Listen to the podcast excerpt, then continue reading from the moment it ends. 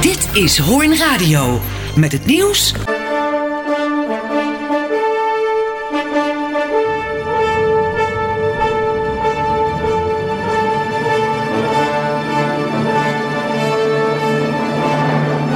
column van Sjaak Rosthuizen. Voorzien in basisbehoeften van mensen zou geen zaak mogen zijn van beleggers. Voedsel, gezondheid en onderdak zijn echter terreinen waarop je binnen kunt lopen wanneer je het een beetje handig aanpakt. Zeker wanneer de behoefte groter is dan de middelen om ze te lenigen. Hoe groter de behoefte, des te hoger zijn de opbrengsten. Over de verdiensten met geneesmiddelen kun je je afvragen welke misdaad groter is en beter afgeschermd voor strafvervolging. De behoefte aan onderdak is zelfs in ons fraaie horen een zaak geworden voor geboeften dat schaamteloos maar legaal de zakken vult, omdat de vraag naar hun product groot is. Er is geen wet waarmee we ze kunnen terugroepen. Voor de politici, ook in horen, moet dat een frustratie zijn van hier tot Gunter.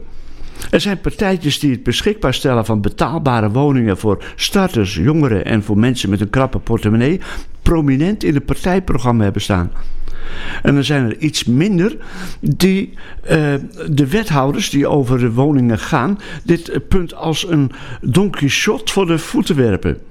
Deze week komen we weer een woningnoodkreet vernemen van HOP en VOC Horen.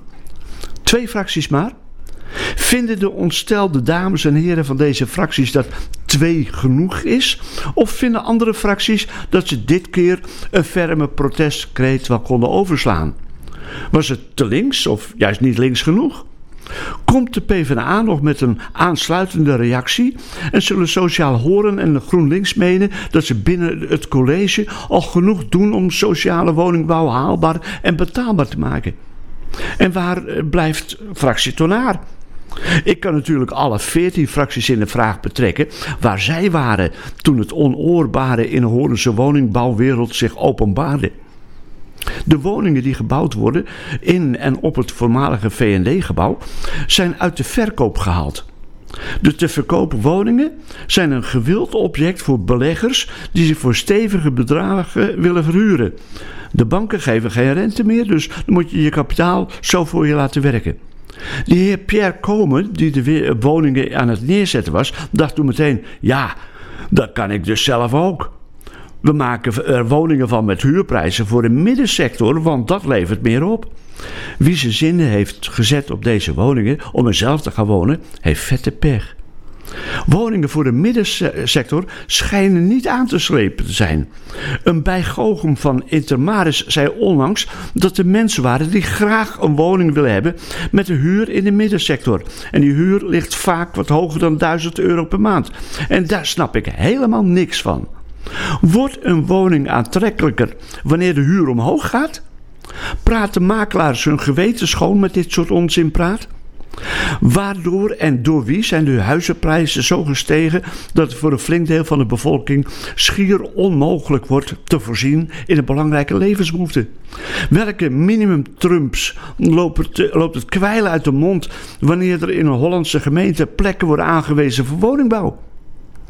De vraag van wanhopige politici die zich manmoedig trachten in te zetten voor de belangen van de slachtoffers van de woningnood is stevast: kunnen we het tij keren?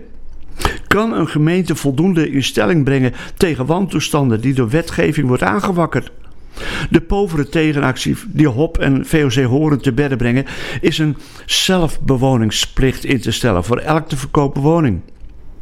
Pierre Komen zal beslist ruim willen wonen, maar we zien hem niet alle kamers van alle nieuwe woningen wekelijks een schoonmaakbeurt geven. Of de ruimtes laten, vullen, laten gebruiken voor een verstoppertjespel voor zijn vrienden en zijn familieleden. Rest mij nog een lastige vraag, een laatste vraag.